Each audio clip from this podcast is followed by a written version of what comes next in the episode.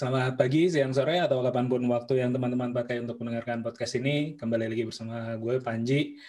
Dan bersama gue kali ini uh, sudah ada Chief of uh, Startup Bandung, komunitas Startup Bandung, terus juga... Kepala suku ya? Kepala suku. Terus juga apa ya, ini uh, personil dari uh, homogenik atau sekarang HMGNC ya, HMGNC dan ya, juga betul. founder dan CEO Kuasa. Wes, Grahadea Kusuf. Wes, tepuk tangan.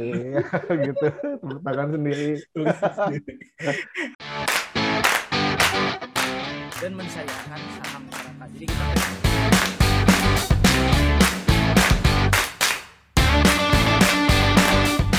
beda sama Jakarta kalau orang Bandung tuh uh, investasiin buat sekolah anak. Golf itu something new. Gitu kupu-kupu mungkin uh, ayahku tuh satpam gitu kan. Di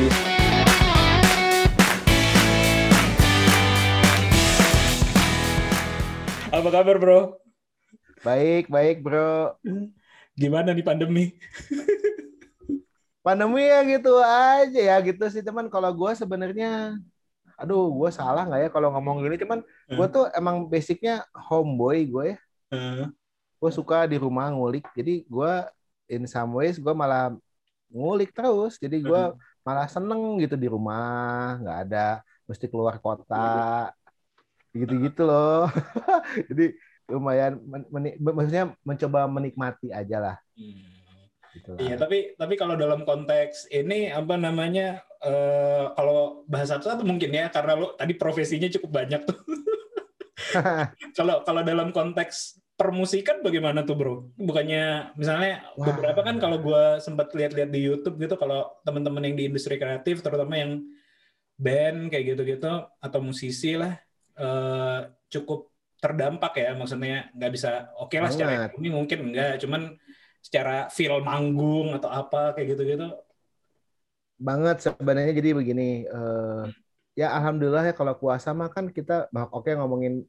Digitalisasi untuk musisi misalnya ya. Yeah. Kalau kuasa mah kan kita ada di produksi kan, jadi kita emang tahun lalu malah bagus, tahun ini uh, juga lebih bagus daripada 2019 sebelum pandemi. Jadi kita salah satu dari mungkin industri-industri uh, digital lain gitu ya yang malah naik selama pandemi karena kita di hulu kan diproduksi ya jadi musisi-musisi yang pada nggak bisa manggung atau hobiis-hobiis yang akhirnya kayak gua gitu ya mencoba explore gitu ya mencoba belajar hal-hal baru itu tuh akhirnya cobain kuasa begitu tapi yang jadi masalah itu sebenarnya adalah di hilirnya ini teman-teman kita yang di industri musik ya itu tuh terus terang kalau gua lihat sih banyak yang kelimpungan jadi ada beberapa fase nyobain ya hmm itu yang uh, maksudnya band gua atau band lain gitu ya nyobain segala macam.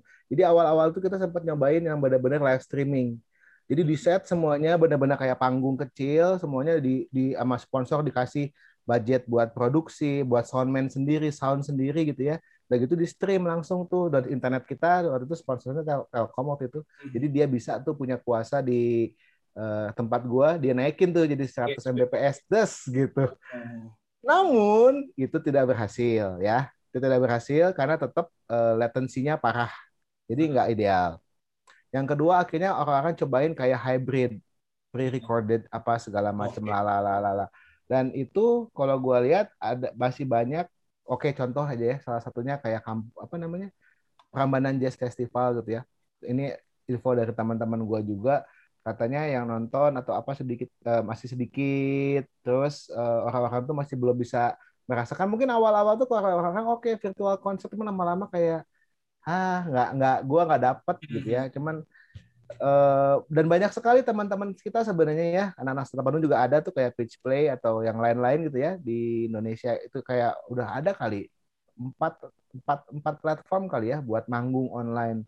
Tapi uh, belum ada yang works. Kayaknya pada market fitnya aja nih masih agak diklik sih kalau kata gua ya gitu sih. Namun kalau gua sangat percaya dengan nanti 5G gitu. Hmm. Dia enabler kan ya sama aja kayak mungkin hasilnya akan waktu dulu uh, orang-orang pada pakai Netflix, pada pakai hmm. Spotify kan pas 4G kan. Iya. Jadi gua pikir 5G nih bisa uh, lebih simultan gitu bisa lebih instantaneous gue gua kalau kalau gue ya pd-pd-nya gue ya gitu iya iya iya iya sih. Dan dan ini sih gue juga maksudnya gue sebagai penonton ya atau penikmat kayak gitu uh, sebenarnya yang hilang adalah experience-nya sih. Gue beberapa kali yes. nonton yang yang virtual virtual konser kayak gitu. Ya kadang-kadang uh, mikir juga apa bedanya dengan nonton video gitu misalnya. Dan beberapa musisi tadi yang mungkin yang kayak tipe dua yang lo apa yang lo ceritain kan udah pre-recorded kan. Jadi sebenarnya yang live pada saat mereka di gue sebenarnya yeah. nggak live juga gitu jadinya uh, apa ya walaupun berbayar kan ada beberapa yang yang udah mulai berbayar atau saweran lah ibaratnya yang kayak gitu gitu mm -hmm. cuman tetap ini sih memang rindu ini sih rindu live juga ya mungkin kalau live itu kan sound sistemnya lu yeah. merasakan yeah. Jantung lu gitu kan dada lu tuh kayak kalau ada bassnya brr, brr, gitu terus yang kayak ngantri-ngantrinya engage sama orang yang sesama nonton lu kayak kalau ini mah kalau ngarang aja gue ya mungkin kayak umroh bareng-bareng yeah. gitu kan? Atau pokoknya ada ada ada panggungnya terus kita merasakan sama-sama jadi makmum lah gitu. Kalau gue itu yang masih belum bisa tuh kan orang-orang suka pada posting lah apa segala macam. Eh gue lagi konser nih gitu gue ketemu langsung sama si personilnya gitu bandnya dan segala macam nah itu yang susah di replace. Iya iya iya betul betul. Iya. Kalau gue gue sempat lihat juga tuh di mana ya? Di Amerika apa ya? Uh, udah ada konser tapi ya virtual juga. Tapi mereka pakai uh, apa sih namanya game? Oh. Aduh, lupa lagi gue Uh, virtual apa sih? Chat chat apa namanya? Gue iya, lupa iya, deh. Tapi ini game dia sempat bikin apa ya? Uh, Minecraft. Jadi mereka penontonnya oh, iya. bikinin dibikinin akun masing-masing nanti datang ke suatu tempat situ bandnya tampil secara virtual juga di situ tapi jadi nuansanya tetap aja nuansa ngelihat apa ya ngelihat penonton lain tapi ya dalam game sebenarnya jadi kayak interaksi segala macam semuanya sorak-sorai itu coba cuman lucu aja sih kita udah aja. ada namanya klub kidul Oh, itu Indo. Namanya Klub Kidul. Club Indo udah ada. Jadi dia pakai apa sih namanya? Gue lupa dulu apa sih platform yang buat virtual reality itu? Ya VR VR VR gitu chat, ya. ya. VR chat kalau nggak salah. Ya, ya. Oh, dia pakai ya. pakai platform itu dan bentuknya ya gitu lucu-lucu kayak Minecraft gitu kan, ya. kayak Roblox dan segala macam. Uh. Uh, ada namanya Klub Kidul, coba aja googling-googling dia masih tweaking-tweaking sih kalau gue lihat ya. Oh iya iya.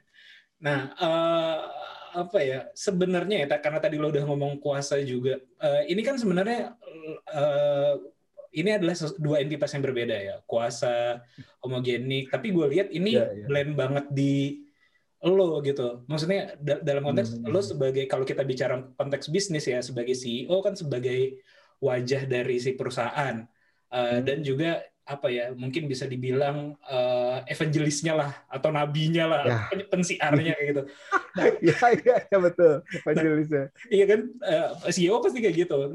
Dan profil lo tuh kayaknya oke okay banget gitu untuk itu. Lo sebagai uh, apa ya uh, CEO perusahaan uh, apa ya. ya software development tapi untuk uh, musisi lah ya atau uh, apa ya uh, plugin ya istilahnya ya plug-in amplifier hmm. dan amplifier kayak gitu lo juga sebagai musisi sendiri gitu ini jadi kayak match banget gitu lo sebagai sebagai profil gitu loh profil lo cocok banget kayak gitu ini mana yang datang duluan sih sebenarnya boleh lo cerita nggak lo jadi musisi duluan sebelumnya lalu lo punya ide uh, uh, create kuasa atau lo memang ah gue hmm. kuasa hmm. tapi gue hobi musik juga jadi gue bikin band juga gitu okay. Hmm. Oke, jadi uh, sebenarnya itu nggak terlalu ngaruh karena sebenarnya pengguna kita kan dari luar negeri, hmm. mostly pengguna dari Indonesia itu mungkin kayak nggak nyampe satu persen sebenarnya Ji. Hmm. Jadi orang-orang pengguna-pengguna dari luar negeri itu nggak terlalu peduli band gua apa, lu musisi apa gimana karena mereka nggak tahu juga kuasa kayak gimana gitu. Hmm. Ya, bahkan Indonesia di mana pun mereka nggak tahu kali. Uh. Satu, hmm. terus kedua mungkin uh, ini tuh sebenarnya kalau kuasa dan menjadi musisi elektronik gitu ya itu tuh eh, sebenarnya impian gue dari dari SMP kali hmm. pertama kali gue discover ada software-software seperti itu hmm. jadi emang gue dulu pengennya tuh gue pengen jadi DJ gitu ya DJ hmm. mikirnya cuma bukan bikin musik cuman DJ di depan oh di depan ribuan orang gitu manggung gitu ya terus uh, punya eh, terus kerja di perusahaan software cuman hmm. ya akhirnya jadinya founding sendiri gitu ya. Begitulah kira-kira eh, apa ya? Itu tuh sebenarnya datang begitu saja sebenarnya. Karena gue mungkin karena gue dulu satu dari sedikit orang kayak gue anak SMP bayangin kayak ngulik gitu ya. Internet pun masih belum ada YouTube jadi gue tuh gabung di forum-forum gitu ya. Eh, mungkin gue dapat beginner advantage aja kali gue ya. Gue udah ngulik duluan jadi di saat uh, industrinya berkembang gue tuh kayak udah tahu duluan gitu. Gimana? Kayak gitu gitulah jadi which one comes first gue nggak tahu yang mana gitu. Karena emang dulu cita-citanya itu. Jadi musisi elektronik sama kerja di perusahaan software. Musik. Musik elektronik gitu. Kalau jadi partner kita gitu, sekarang. Uh, kalau kalau pendiriannya sendiri lu lebih dulu homogenik atau kuasa dulu? Oh, homogenik. Oh, tentu homogenik dulu karena homogenik, mah hmm. itu mah kan dari kita kuliah gitu ya. Hmm. Kalau kuasa mah emang benar-benar dari awal kita set emang benar-benar perusahaan komersial gitu. Jadi homogenik mah founded 2002 hmm. gitu ya. Gua gabung 2003. Uh, foundernya Dina kan. Iya, iya. Terus kalau kuasa foundednya 2010. Hmm. Ada selang 8 tahun berarti ya. Iya, iya, iya. Dulu sempat kerja dulu lah gitu kan segala macam sambil ngeband lalala gitu lah. Iya, iya. Itu juga termasuk dini sih ya. Maksudnya 2002 gue gue kan gue di Jakarta ya sebenarnya uh, Mas ya, itu ya, zaman-zaman ya. gue SMA tuh 2002 2003 ya. Kita kan uh, lebih senior lo dikit lah. Ah, lo lebih muda pada gue ya? Iya. Iya iya iya. Iya. Oke okay, baik. Gue 2002 2003 tuh zaman-zaman gue SMA dan gue sebenarnya waktu itu uh, eh, gue tahu homogenik tuh setelah ini. Gue sebenarnya dulu lebih apa ya? lebih ke popang gitu-gitu loh. Gue gue gue sama. Gue gue awalnya gini, juga anak-anak muda ya pada zaman itu ya. Cuman gue baru tahu homogenik ketika udah mulai collab dengan apa ya waktu itu ada ada band-band pang gitu juga lupa gue ada salah satu Lone Atlas Iya, ya. Tapi tapi Rocket Rockers pernah. Rocket Rockers, tapi lo ngeluar keluarin single ya kalau nggak salah ya bareng sama Rocket Rockers atau apa gitu ya. Bukan featuring pasti standar lah. Oh, Jadi kan ada ada masanya band-band popang pada masukin synthesizer kan tuh. Oh, nah, kepake kita. Oh. Ya gitu. Karena dulu band gue sebelumnya kan jadi band jadi puasa itu sebenarnya gue sama vokalis band gue sebelum di Homogenik itu band popang juga dulu kita uh. tapi ya kita salah satu yang duluan lah pakai synthesizer lah gitu uh. jadi uh, makanya kayak sering dulu gitu juga ya? gue sama Dina sering berapa kali satu kompilasi bareng zaman zaman popang ya oh iya iya iya. Nah cuman gue baru tahu elek gue tahu itu udah agak lebih baru-baru lah. Cuman waktu itu gue tahu yang musik-musik elektronik itu kalau di karena gue di Jakarta yang cukup dekat adalah uh, Henry Foundation si apa namanya bandnya. Ya Batman Good Electric. Ya Batman Good Electric. Dan gue gue gue suka banget pada waktu itu. Entah gue kan belakangan ini lagi dengerin ini nih lagi balik lagi dengerin kaset Mita bro jadi jadi karena aduh seneng ya kan kita kan kita apa ya di masa pandemi ini apa ya nyari hobi lah ya Iya, iya, iya, iya, beli apa ya? Iya, iya, iya. Dan gue apa uh, recollect lagi, terus juga apa uh, kaset-kaset gue zaman zaman zaman dulu di di Jakarta gue bawa ke Bandung kayak gitu gitu lah. Apa namanya? Nah terus salah satunya, oh gue masih ingat, oh gue punya kaset gunting elektrik nih, terus gue setel, gue ini ini ini musiknya uh, elektronik tapi pada zaman itu kan elektronik yang mencoba futuristik jadi kayak kayak oh tapi yeah. mencoba futuristik gitu yang musiknya masih uh, elektronik kalau sekarang mungkin norak ya jadi kayak uh, suara-suara MIDI yang kayak gitu-gitu. Iya benar benar benar. tapi tapi itu oh itu lucu banget gitu loh seru gitu. Iya iya. Ya ya ya emang begitulah. Kita mah masih satu geng, kita geng, satu ya. era sih gitu. Jadi ya, ya. Batman itu dulu awalnya justru dia adalah pembikin video klip kan? Jadugar yeah, dia. Uh-huh. Jadi dia yang bikin video klipnya homogenik pertama kali. Kita masih cupu-cupu tuh si Batman mah udah bikin video klip. Uh-huh. Iya iya. Kekal iya. tuh ya, di Batman yang bikin. Iya iya. Oh iya, soalnya zaman-zaman MTV lagi ini kan uh, kreator yeah. video mus eh, video musik juga lagi naik indie, ya. Indie keluar kan, iya, Jadugar, iya, iya. Uh, terus apa cerah hati dan segala macam uh, gitu. Iya iya. Nah, itu berarti 2002 lo bikin uh, homogenik, itu pun masih di sambi-sambi tadi ya, gawe dan segala macam. Uh, ya, pastilah. Uh, uh, ini uh, ini jadi lompat-lompat gue nanyanya ya oh, ke ke homogenik dulu deh ya uh, ini apa namanya itu kan uh, lo musisi di situ kan berarti kan uh, lo main hmm. uh, synthesizer di situ ya uh, dan lo indie ya uh, ya. Tidak di major label lah. Mungkin kalau di zaman sekarang nggak ya, terlalu matters ya uh, major label ya semua indie. jadi indie anyway. Semuanya indie, indie adalah mainstream zaman sekarang. Indie adalah mainstream ya, zaman sekarang. Nah cuman di zaman itu uh, lo itu memang memilih di zaman itu kan 2002 2003 tuh lagi naik-naiknya lah musik ya, ya, ya. secara secara umum. Lo memang memilih untuk tetap indie atau memang mencoba-coba juga masuk ke major label pada waktu itu? Aduh, gua tuh gimana ya? Hmm. Uh, ini sebenarnya pokoknya oke okay, ini mah ambilnya ambil ini aja ya, ambil biasanya bukannya bukan berarti benar. Jadi uh, jeleknya jeleknya anak-anak uh, homogenik itu mungkinnya maksudnya secara profesionalisme kita tuh emang dari awal mindset homogenik itu proyek yang sangat idealis gitu. Hmm. Itu jadi kita mah nggak peduli dengan jualan dan hmm. itu buruk sebenarnya. Hmm. Kalau mungkin orang orang label gue dulu kalau denger ngamuk kali. Hmm. jadi makanya kenapa gitu? Jadi kita emang bukan di set sebagai apa namanya ya? Jadi kita musisi, hmm. cuman kita nggak uh, daily daily income kita bukan dari sana. Iya, iya. Daily income gue dari kuasa, otomatis kalau Dina juga punya pekerjaan, Manda juga punya pekerjaan lain gitu ya. Jadi eh, bagaimanapun juga si homogenik mah kita bikin sangat idealis, sangat project personal gitu ya, sangat gimana gua gitu. Hmm. Jadi itu yang ditawarkan sama sikap indie itu gitu ya. Hmm. Jadi gue bisa seenaknya, gue bisa punya kontrol penuh terhadap musik gue gitu. Hmm. Ah, meskipun emang harusnya gue nggak boleh ngomong kalau musik gue bukan musik jualan kebayang ya iya. karena toh banyak juga teman-teman kita yang indie yang lain gitu ya meskipun anggap anggaplah yang satu angkatan sama kita disigit aja disigit itu kan secara jualan bagus banget kan moka juga secara jualan bagus banget tapi mereka masih bisa punya full control gitu hmm. total dan mereka idealis edan parah gitu. Nah, gitulah kira-kira ya. Tapi kebayang nggak sih maksud iya. omongan gue? Begitulah kira-kira kalau kalau di homogenik ya itu kita uh, satu dari mungkin sebagian uh, musisi-musisi yang emang nggak full time di musik hmm. sebenarnya. Iya, iya. Itu kalau gue jadi orang label mah gue marah kali.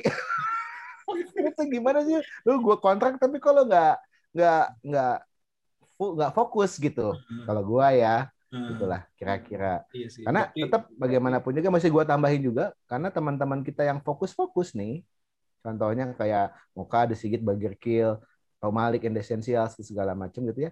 Itu rata-rata uh, winners mereka sukses bandnya gitu lah dibanding sama homogenik mah ya itu hmm, iya iya. Berarti memilih untuk uh, tetap indie karena memang secara apa ya secara kehidupan atau ya secara ini lo memilih untuk tidak full time sebagai musisi lah atau sebagai hobi aja ya. atau penyaluran lah kayak gitu ya? Uh, bagaimana ya? Gue nggak bisa bilang itu hobi karena kalau hmm. hobi otomatis gue spend uang di sana kan hmm.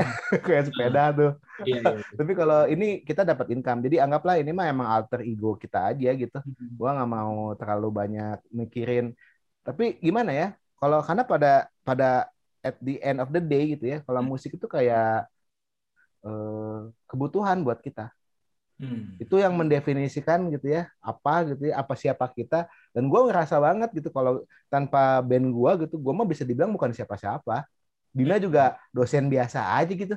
Hmm. Manda juga ibu rumah tangga biasa aja gitu ya. Slash uh, apa namanya mompreneur gitu kan. Hmm. Begitulah kira-kira. Jadi uh, itu mah bagian dari kita mah udah lama banget ya. Lama banget kita jadi ngeband ji dari 2002 tapi jadi dan homogenik itu salah satu dari yang uh, banyak band gitu ya uh, yang lumayan survive dan personilnya amat sangat amat, amat cuman sekali ganti gitu. Jadi iya, iya. kita mah kayak udah menyatu sama hidup kita aja gitu. Iya iya iya iya. Iya menarik banget sih. Maksudnya gue gue gue gue pernah menemukan uh, walau mungkin agak beda konteks ya. Gue gue pernah menemukan itu kalau lo tahu apa uh, The Brandals ya. Uh, band Jakarta juga gitu. Eka. Eh, Hmm. Iya betul Eka. Itu dia juga bukan full timers atau mungkin bahasanya bukan Ya. full- bukan itu ya, tapi dia ada pekerjaan. Bahkan lebih Yes. lebih dalam konteks eh, kalau lo kan entrepreneur ya, di mana lo bisa man- manage Ya, manage ya. eh, activity lo sendiri gitu. Ah, Tapi ah. kalau dia dia tuh eh, kerja kan eh, di Ya. perusahaan lah sebagai dis- Ya. desainer atau kreator lah kayak Hmm. gitu. Gue gue juga agak-agak lupa. Eh, tapi eh, dia dan itu eh, 9 to 5 eh, hampir Senin sampai Jumat juga kerja rutin gitu. Tapi di sisi lain dia bikin band juga yang oke lah eh, segmented lah ya. Nggak, nggak kita bisa bilang populer juga tapi segmented gitu. Eh, dan dia me- menganggap jadi kayak eh, stylenya adalah lebih ke karena gue frustasi bekerja bukan frustasi ya karena dia se- senang pekerjaannya sih gue yakin cuman Oke. dia kan eh, alter ego juga gitu jadi oh gue kerjaan ini Hmm. ini tapi ketika gue ngeband gue dengan musiknya yang cukup keras kayak gitu gitu dia, dia jadi kayak pe- Penyaluran ya. penyaluran kayak gitu kan Ekspresi ya. ekspresi kayak gitu Eh, dan dan ini ya maksudnya eh, kalau secara karena gue orang awam ya kalau gue menilai kadang-kadang kan anak band itu atau misalnya ya musisi lah itu kan kayak apa ya eh, rockstar lah ibaratnya gitu. itu itu tidak gue temukan gitu kok rockstar lo kerja 9 to 5 eh, terus ini atau misalnya kalau lo oh iya gue kalau terjun ke musik harusnya maksimal apa segala macam tapi ternyata eh, sudut pandangnya aja berbeda gitu ya jadinya jadinya Ya. Eh, nah kalau lo, juga kurang lebih kayak gitu ya eh, memandangnya seperti itu gitu ya Bisa dibilang kan gue juga 9 to 5 kan meskipun usaha sendiri kan. Iya. Ya gitu karena Dina juga 9 to 5 sebenarnya bisa dibilang seperti itu. Cuman ya kalau mungkin kalau gue agak lebih eh, fleksibel karena kalau di kuasa kan emang waktunya gimana gue kan maksudnya Iya. kita ada waktu flexi time lah. Standar Iya. startup lah, kita 8 jam tapi lu mau masuk jam berapa terserah kayak gitu-gitu. Tapi eh, apa ya? eh, ini tuh sebenarnya topik yang cukup rame sebenarnya Hmm. karena gini ya, apa namanya? Gue gue gimana ngomongnya ya? Cuman gini deh, kalau kata gue ya, itu tuh emang eh, butuh determinasi yang sangat ya, amat cukup cukup kuat gitu ya. Jadi musisi nih, jadi musisi itu tuh lu bakal dapat nah namanya social judgment. Lu bakal ditanya sama mertua, lu bakal ditanya sama orang tua lu dan apa segala macem. Jadi ada orang-orang yang kayak safety netnya adalah pekerjaannya gitu Hmm. begitu jadi dia punya pekerjaan dia punya oh oke lah band band bagi gue adalah sarana ekspresi diri apa segala macam eh itu itu juga banyak yang kayak gitu juga banyak juga teman-teman kita oke lah gak usah jauh-jauh waktu gue tour Jepang Hmm. kita kan tour sama banyak band-band indie kan pada masa itu itu tuh rata-rata dari mereka ada yang koki tukang masak ada yang kerja di restoran ada yang eh, kerja di bank, ada yang kerja di Oracle dulu kayak gitu-gitu. Jadi eh emang kayak gitu kayaknya. Karena ini ya, ini ini ini aduh ini nggak apa-apa jadi agak terlalu musik sih bahasanya. Oh, Cuman dulu ada ada omongan kayak gini. Kalau seandainya lu udah dikontrak sama label, berarti lu udah dianggap lu di hire gitu sebenarnya. Berarti lu bisa dibilang lu udah profesional musisi, lu nggak bisa memposisikan diri lu cuma musisi weekend doang. Ah, gitu. gitu gitu harusnya kayak gitu sih jadi makanya pas ke sini ke sini tuh gue tuh suka mikir gitu kan gue suka pernah sih ngomong juga sama si Dina nak salah nggak ya eh, gue mikirnya kayak gitu gitu jadinya membuat menahan kita untuk bisa lebih pol-polan di homogenik gitu. Iya. kalau gue ya dulu ada perasaan-perasaan seperti itu cuman ya sudahlah sekarang kalau gue mah sekarang berusaha bagaimanapun caranya gue akan menget work life integration itu lah ya Hmm. jadi bagaimana caranya gue bisa integrate kerjaan gue, hobi gue, hidup gue gitu. Jadi itu mah udah part of my life aja. Gue nggak mau mengkotak-kotakan sebenarnya kayak ini oh ini karena ini uangnya dikit atau ini uangnya paling banyak jadi gue maksimal ke sini nggak. Jadi ternyata hasilnya eh, kayak apa ya? sama-sama lah Hmm, beda fulfillmentnya, beda hasilnya. Ada ada satu masa juga kita dapat dari band gede banget, lebih gede daripada gaji kita di kantor. Ada. Jadi nggak bisa di nggak bisa digituin gitu. Dan ternyata satu satu sama lain tuh kayak ada sinerginya gitu. Kayak homogenik mensupport gua di kuasa, kuasa mensupport gua juga kayak gitu gitu loh. Jadi apa ya? nggak bisa di ya oh nggak bisa di prioritas prioritas gitu Hmm. sama-sama semua begitulah Hmm, iya iya iya. Gue eh, eh, ini ini jadi menarik karena karena eh, teman-teman anak-anak zaman-zaman sekarang ya kan banyak yang Mhm. apa ya? Gue juga nggak ngerti sih ini gerakan dari mana ya maksudnya. Jadi kayak banyak yang kayak kejar passion lah, terus juga oh hidup oh. dari apa ya namanya ya? Hidup dari karya lah kayak gitu-gitu. Hmm. Kalau dulu kan mungkin kalau kita ngomongin hidup dari karya, ya pasti musisi lah yang paling nomor satu atau yang nomor dua mungkin penulis buku lah, di mana dia Mhm. nulis itu dapat dapat uang dari uh, royalti. Tapi dengan platform digital yang ada sekarang kan orang banyak banget. Profesi influencer, Instagram apa tuh namanya sih? Gue lupa lagi. apa? Ya itulah Instagram influencer buat itu band menjadi brand. Ah, Iya, kayak Nah, maksudnya itu kan membuat orang anak-anak eh, sekarang ngerasa eh, bahwa kayaknya memang ya udah gue nggak mau mengerjakan hal-hal lain di luar yang gue eh, apa ya gue suka gitu. passionate ya Iya, yang passionate. Misalnya kalau musisi ya passionate di musik, gue nggak mau tuh uh, 9 to 5 bekerja. Gue nggak mau misalnya kalau konteks uh, uh, ngedosen, gue nggak mau apa. Tapi gue mau hidup dari band atau karya gue aja kayak gitu. Uh, kalau menurut gue sih itu memang agak-agak berbahaya ya, agak-agak agak-agak terlalu uh, sempit Iya. gitu.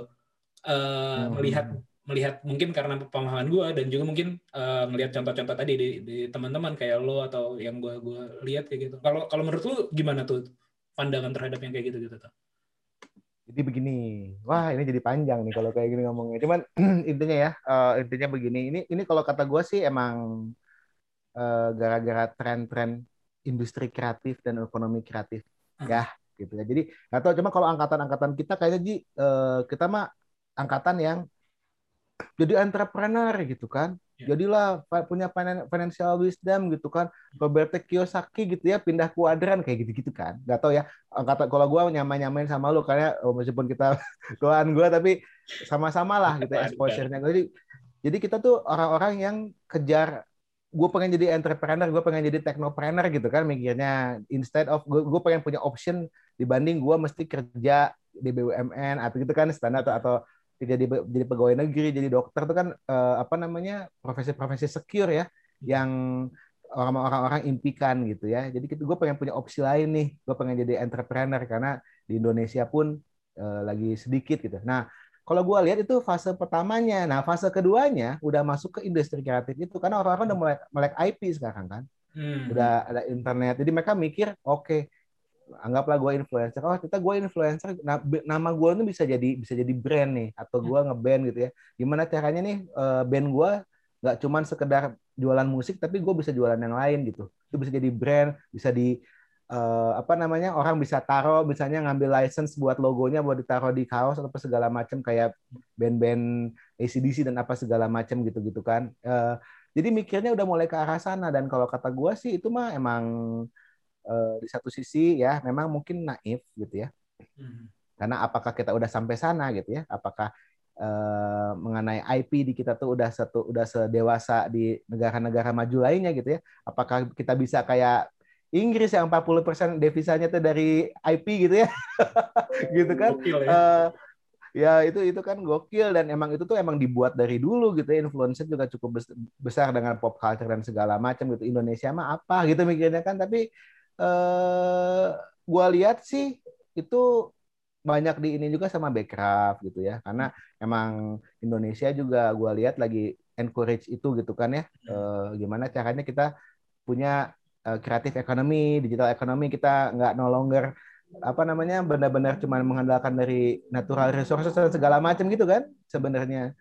Eh kalau kata gua mah udah banyak juga teman-teman kita yang berhasil sebenarnya. Anggaplah ada satu label di Jakarta yang yang yang kalau kata gue cukup hebat ya jadi labelnya Hindia tuh nggak sih lo tahu. Hindia Fish eh, Iga Masardi terus ada band-band baru lainnya lah gitu ya. Itu tuh dia monetize sistemnya kayak gitu dia.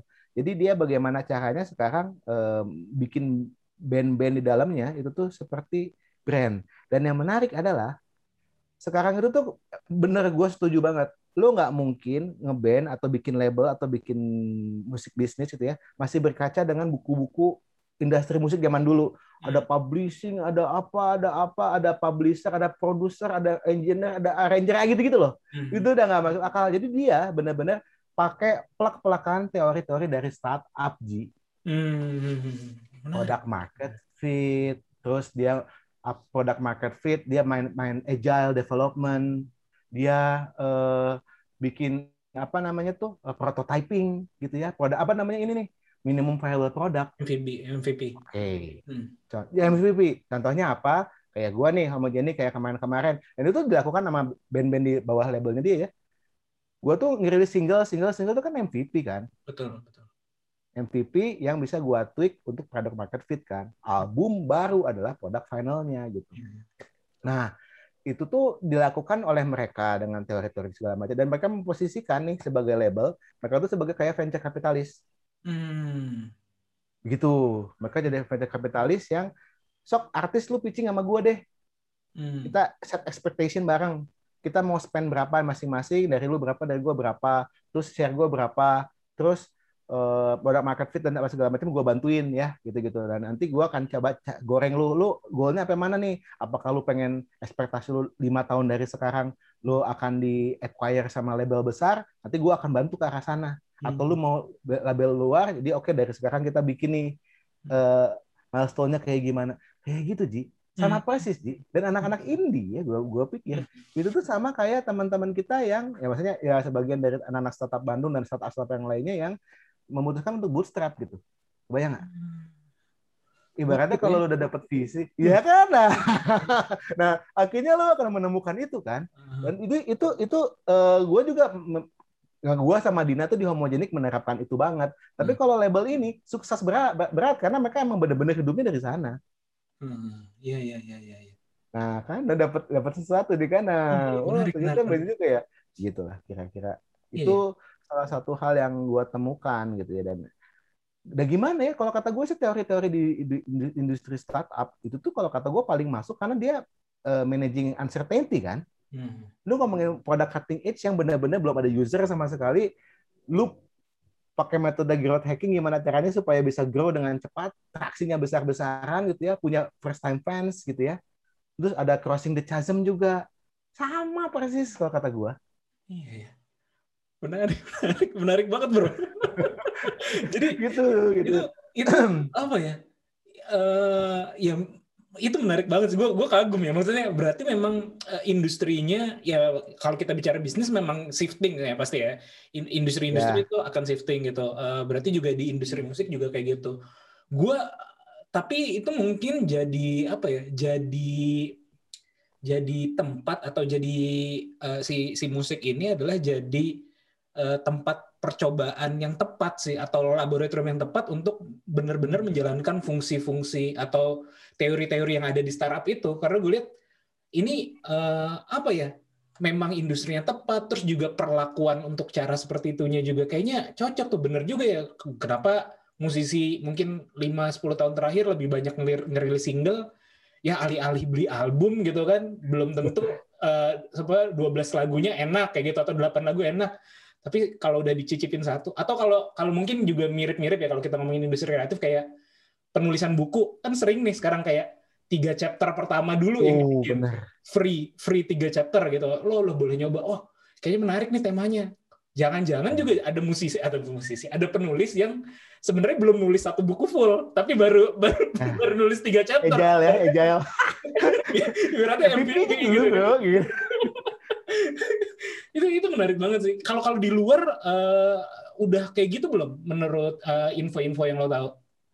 Gua nggak nggak terlalu jadi gini gua nggak terlalu banyak tahu sebenarnya kalau di luar seperti apa perubahannya. Karena kalau di luar negeri mah akhirnya orang-orang udah bergeser-geser masalah platform aja lu sebagai musisi lu mau fokus di mana nih di Spotify dan ada lagi atau lu pengen gede di Mixcloud atau lu pengen gede di SoundCloud atau lu Hmm. ada juga platform yang yang belakangan jadi rame gitu ya banyak platform kecil namanya tuh Bandcamp gitu ya Hmm. atau lu pengen jadi musisi yang jual musik yang lo royalty free atau gimana. Hmm. Jadi gua lihat tuh sekarang teh ada yang namanya democratization kan. Hmm.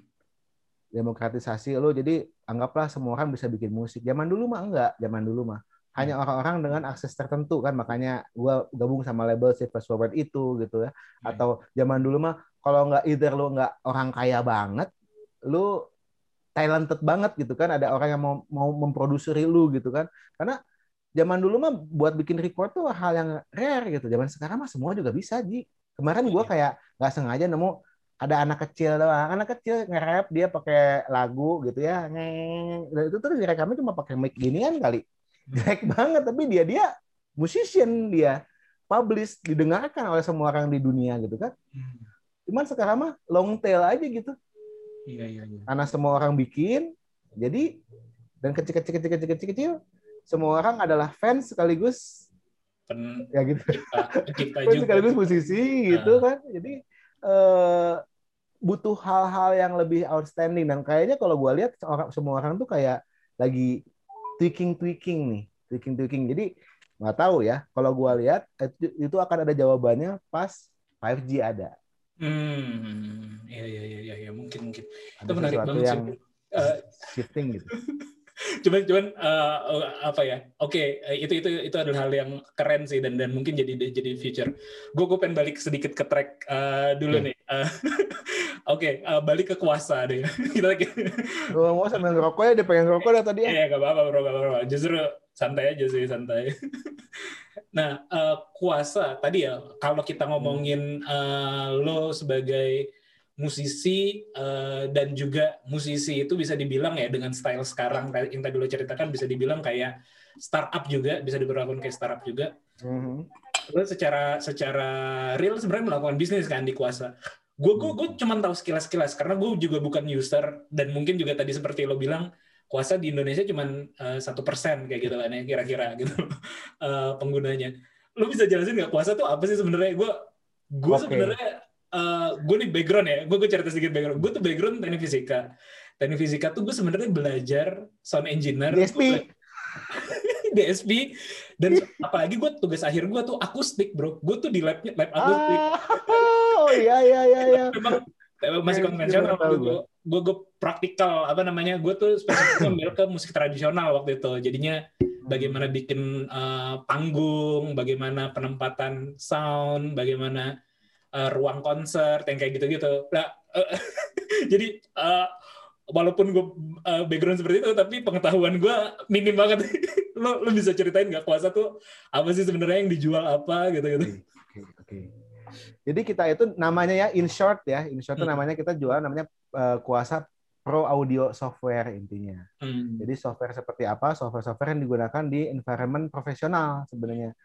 Recording studio atau post eh, post production studio gitu ya. Eh, atau bahkan eh, apa namanya tuh eh, TV-TV buat broadcasting dan apa segala macam atau radio gitu ya kan suka ada studio dan suka ada kayak kompresor, equalizer segala macam. Nah, perusahaan kita di SP-nya itu apa? Kita tuh bikin yang namanya analog modeling disebutnya. Analog modeling itu kan kalau peralatan elektronik semacam equalizer dan segala macam amplifier lah. Itu kan ada elektroniknya kan skemanya.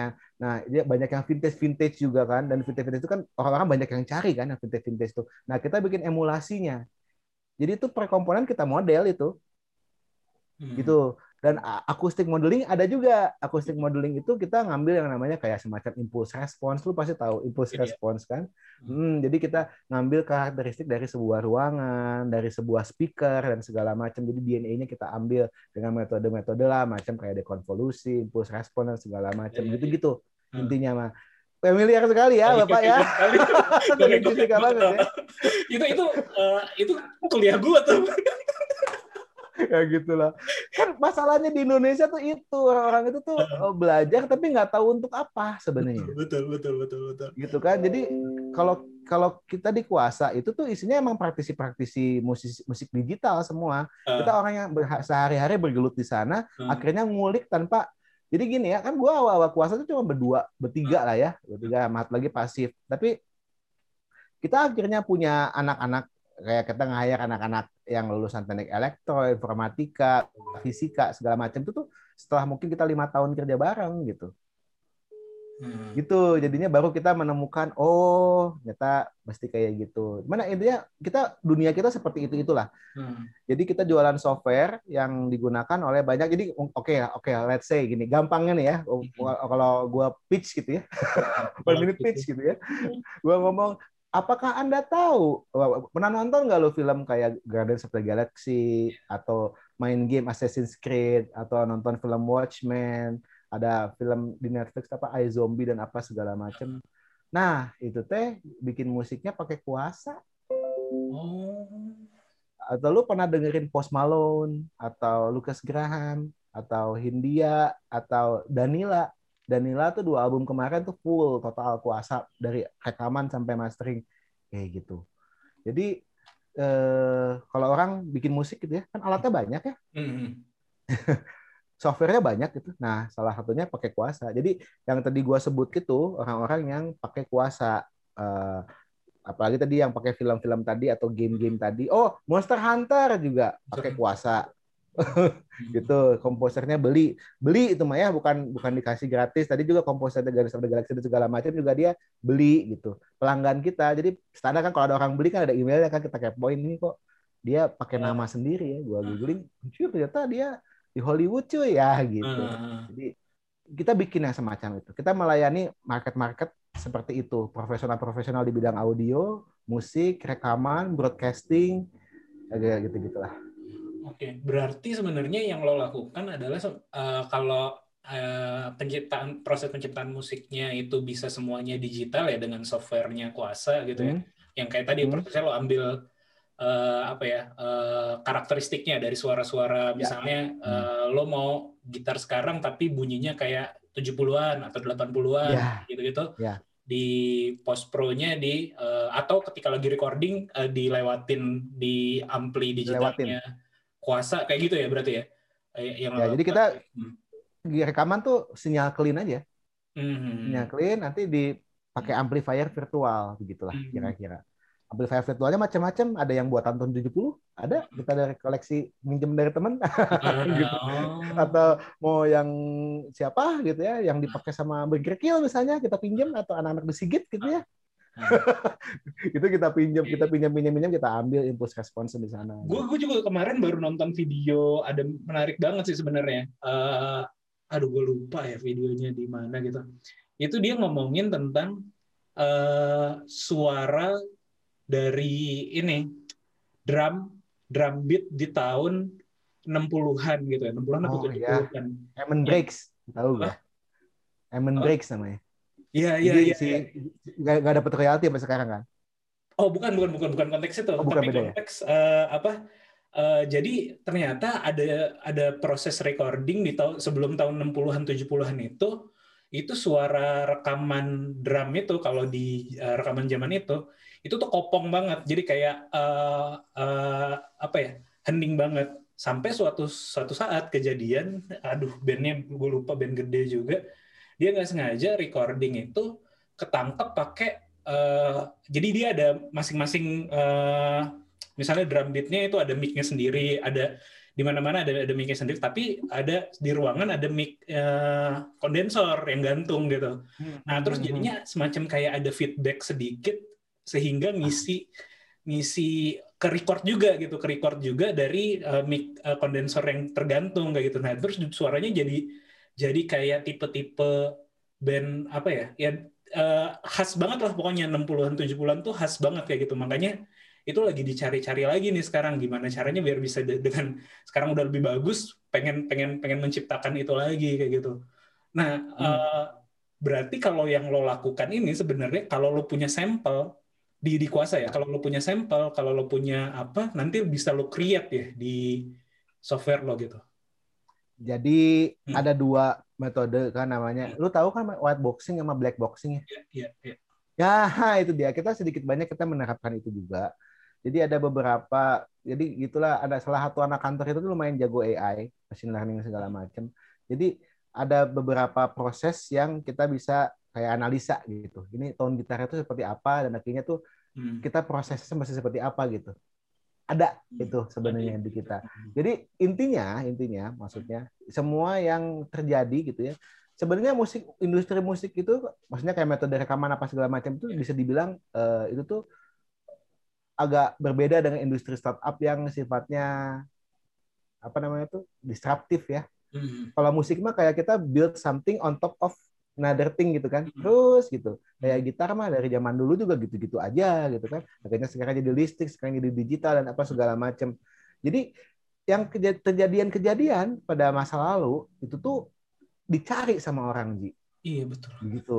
Hmm. Karena dicari itu harus bisa dimodel dan itu banyak sekali modelingnya. Jadi banyak perusahaan-perusahaan kayak kita emang spesialisasinya memang memodelkan tahun itu gitu. Hmm. Jadi kayak dikasih beat reducer dikit, hmm. dikasih noise dikit, dikasih kayak apa sih tape hiss kan itu yang bikin enak ya karena ngirim kaset kan. Iya betul. Nah ada wobble wobblenya segala hmm. macam. Jadi emang itu mah kunci sukses sebenarnya. Kalau lu bisa memodelkan yang terjadi di masa lampau, itu tuh akan sangat laku zaman hmm. sekarang. Gitu. Hmm. Jadi orang-orang nggak ada yang nyari ampli gitar yang suaranya bener-bener baru gitu. Nggak ada, bro. Iya betul. Nggak ada. Biasanya kalau kayak gitu, atau musik pasti kan reference kan, apa referensi kan. Ya. Bas, hmm. Pasti kalau ngingetnya kayak yang udah pernah kita dengerin dulu atau pernah ini. Betul. Hmm. Betul. Jadi nggak ada. Jadi kita nggak pernah melakukan hal-hal yang prosesnya baru, hmm. tapi sound soundnya harus tone-nya dan soundnya harus hmm. masa lampau, hmm. gitulah kira-kira. Ini keren sih bro. Lu di Indonesia uh, lu doang nih yang bikin beginian. Ya, bukan cuma di Indonesia ya, di Asia Pasifik kali. Oh. Gak tau lah, gue gua sih bisa agak coba uh, kita cuman mungkin tapi jangan dibandingin sama kayak Big Three itu kayak Yamaha, Roland, Chord itu kita uh, beda beda league lah. Cuma kalau kayak kita, maksudnya independent software developer yang hmm. khusus untuk audio, kayak cuma kita doang deh kayaknya. Di Australia pun nggak ada. Jadi banyaknya tuh di Eropa dan di Amerika yang gini-ginian tuh. Hmm. Yang kita tuh dari Jerman, Israel, hmm. Inggris, Prancis, Amerika, Itali. Itu yang gede-gedenya. Berarti uh, kalau gue bisa bilang uh, kuasa nih aman lah ya. Pandemi ini aman ya bayarannya dolar. alhamdulillah gitu. Alhamdulillah, alhamdulillah. Kita aman ya sekarang jadi kalau kita mah kejar-kejaran terus tapi ya. Kita kan tim kecil gitu kan dari negara uh, kecil gitu ya. Jadi kita kejar-kejaran gimana caranya kita bisa bikin produk sebagus mungkin, secepat mungkin, dan kita tuh endorser besar nggak ada. Jadi yang tadi gua sebut-sebut semua orang-orang yang beli gitu ya, bukan endorser. Uh, susah karena sekarang bisa dibilang endorse endorse kita lokal semua apa tapi mereka ngasih testimoni nggak ada akhirnya itu mesti agak dikejar tuh. Bro lu kan udah beli nih gua ngefans sama lu nih gitu. Boleh kasih testimoni nggak? Makanya kita nggak ada tuh kayak perusahaan-perusahaan lain ada juga tuh yang benar-benar jual testimoni banget ya. Hmm. produknya biasa-biasa tapi digunakan oleh uh, Metallica misalnya ada yang gitu. Itu mesti agak ini juga mesti agak hustling juga. Lumayan. Oke oke. Uh, gue pengen agak sedikit lebih dalam uh, terkait dengan bisnisnya nih atau produk-produknya nih. Uh, hmm. Berarti yang lo lo buat lo ini lo bikin satu software khusus atau ketika uh, lalu nanti ketika ada misalnya suara-suara baru lo akan tambah plug-innya di situ atau lo memang jualnya masing-masing nih.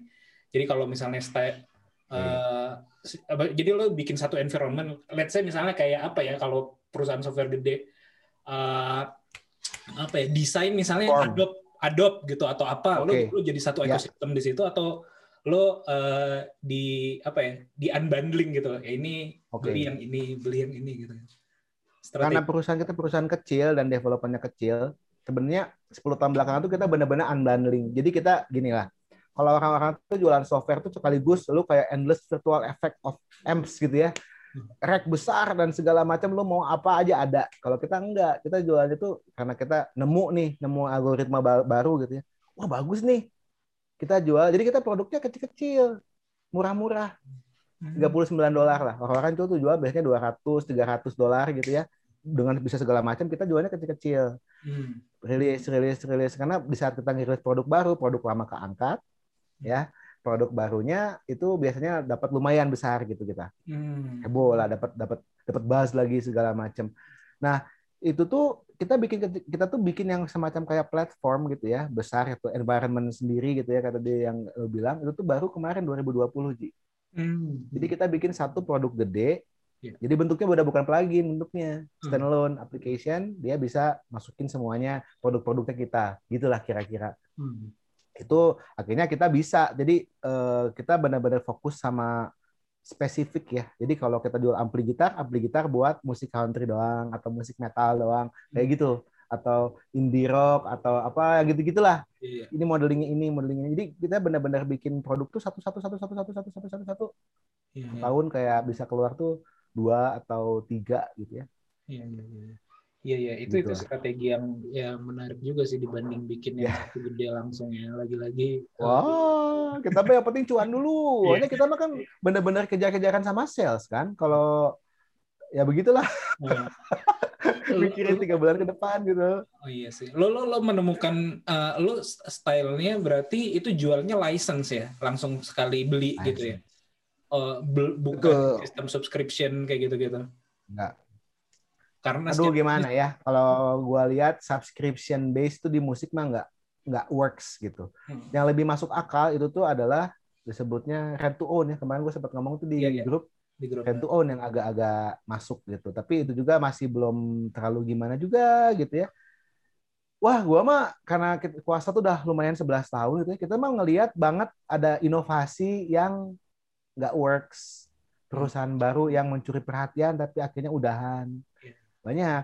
Sama lah kayak oh, gua di ngeband gitu ya, ngelihat band baru gitu ya. Wah, rame gitu ya. Kayak sekarang lagi rame Pamungkas gitu ya. Hmm. Tiga tahun lagi gimana nih Pamungkas? Hmm. Nah, dua tahun lagi gimana gitu Hmm. itu itu itu eh, apa ya mesti lu mesti mesti punya perfect combination gitu ya antara innovativeness sama fam- familiarity kalau kata gua Hmm, betul. dan musik itu agak susah karena makanya kan Amerika sama Inggris kan Hmm. lu nggak bisa jauh-jauh dari itu gitu Hmm.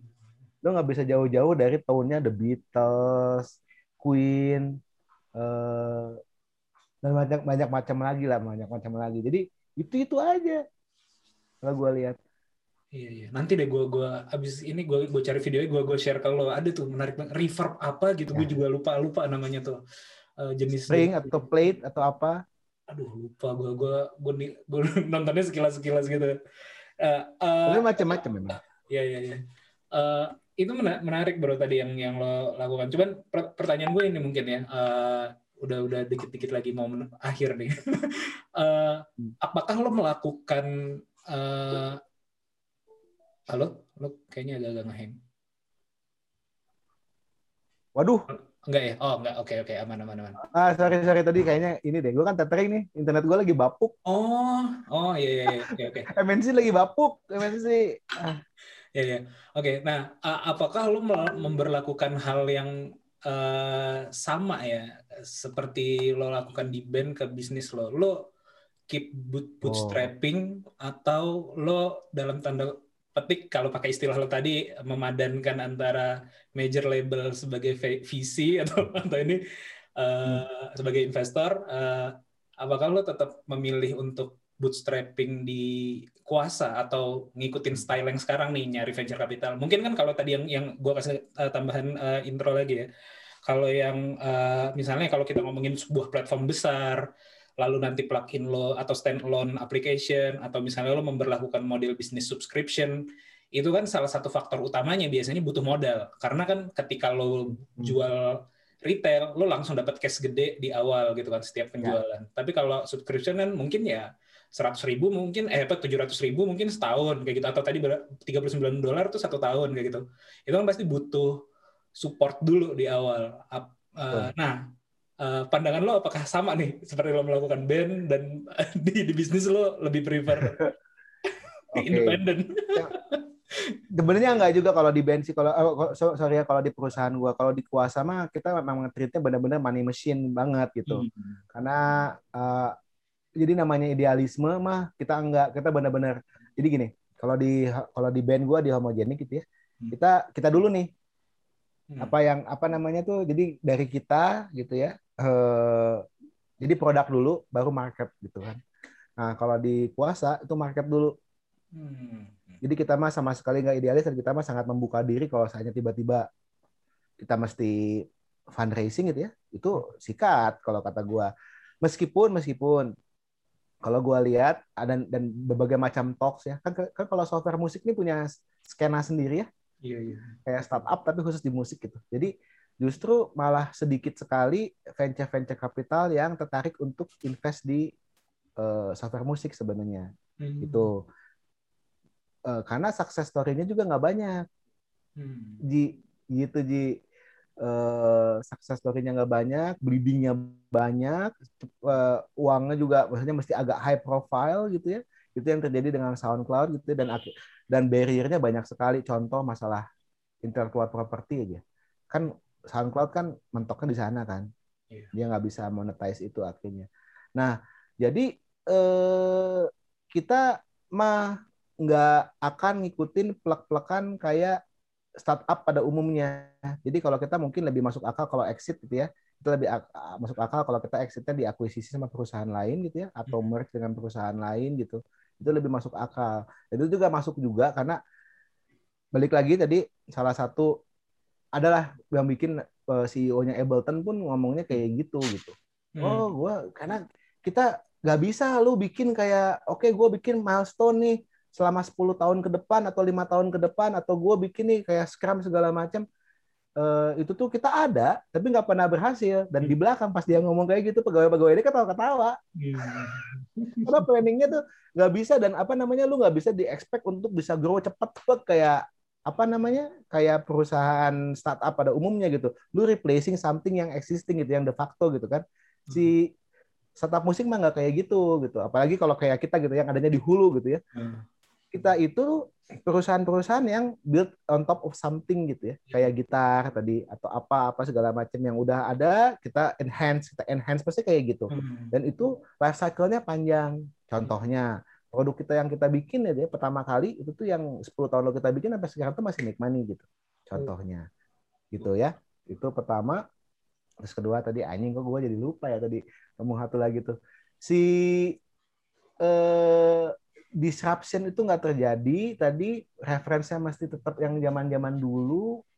Terus nggak bisa dipaksa untuk grow cepat kalau banyak uncertainty juga taste orang beda-beda. Apalagi ya tadi gue sempat ada hard lagi ini itu itu masuk banget itu. Hmm.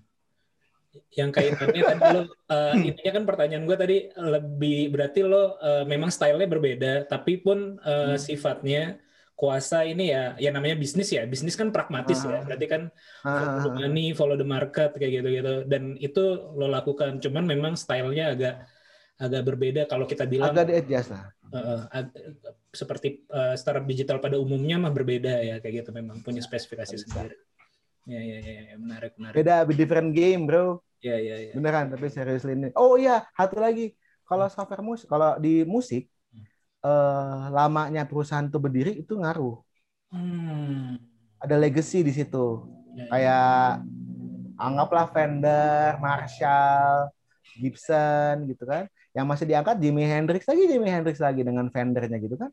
Jadi ya. ada semacam kayak gitu-gituan. Jadi kalau lu udah lama, lu punya legacy, nah itu yang hebat gitu kalau perusahaan musik gitu. Hmm. Jadi bukan bukan bukan dibahas baru mencuri perhatian langsung ngambil market share besar nggak gitu ya.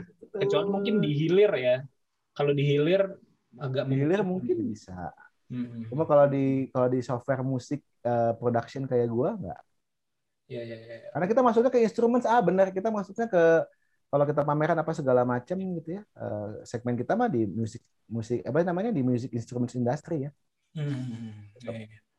Oke bro, uh, udah sejam lebih nih kayaknya kita ngobrol-ngobrol uh, lumayan. oh, malah lupa gue menanya tentang startup Bandung aja tadi. iya bener. Oke mungkin ter terakhirnya ini lah startup Bandung ya. Gue gue gue karena gue part of the startup Bandung juga gue gue dan gue banyak aktivitas di Jakarta juga sebenarnya kan. Ya, tapi ya, gue ya. nggak ngelihat ya, gue nggak tahu ya. Mungkin Malang ada lah. Tapi kalau kalau kayak hmm. lokal uh, kota gede gitu, yang punya komunitas startup yang works gitu kayaknya yang maksudnya seakrab anak-anak di Setara Bandung tuh kayak oh gue tahu masih dia gue tahu sih ini gitu. Kayak kita tahu semua yang terjadi di sini gitu loh. Itu itu tidak terjadi di kota-kota kayak Jakarta atau Medan atau mana gitu.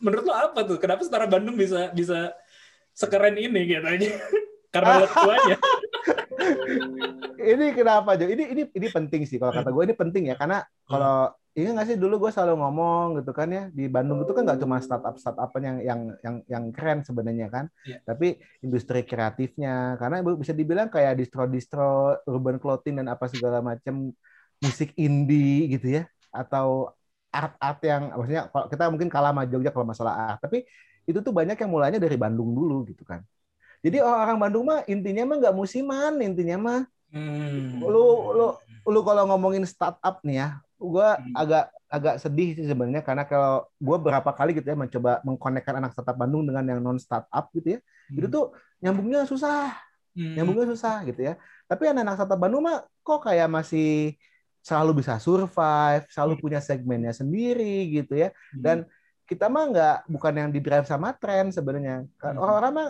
tren banget, lagi ramai startup, wah gitu ya. Hmm. Mungkin kalau gua lihat nih lagi booming nih, lagi bubble nih apa segala macam panas startup Bandung kita mah mungkin startup startupan udah dari zaman sebelum booming kemarin iya. bubble yang kemarin kan 2016 2017 ya iya. kan booming startup kita mah udah dari before before before, it was cool kita mah udah kayak gitu jadi iya kebayang kan jadi iya, kalau iya. kita mah cukup exist aja kalau gua nih ya ini mah sekali ada penutup juga dari gue cukup eksis aja startup Bandung mana. Anak startup di Bandung mah gitu ya.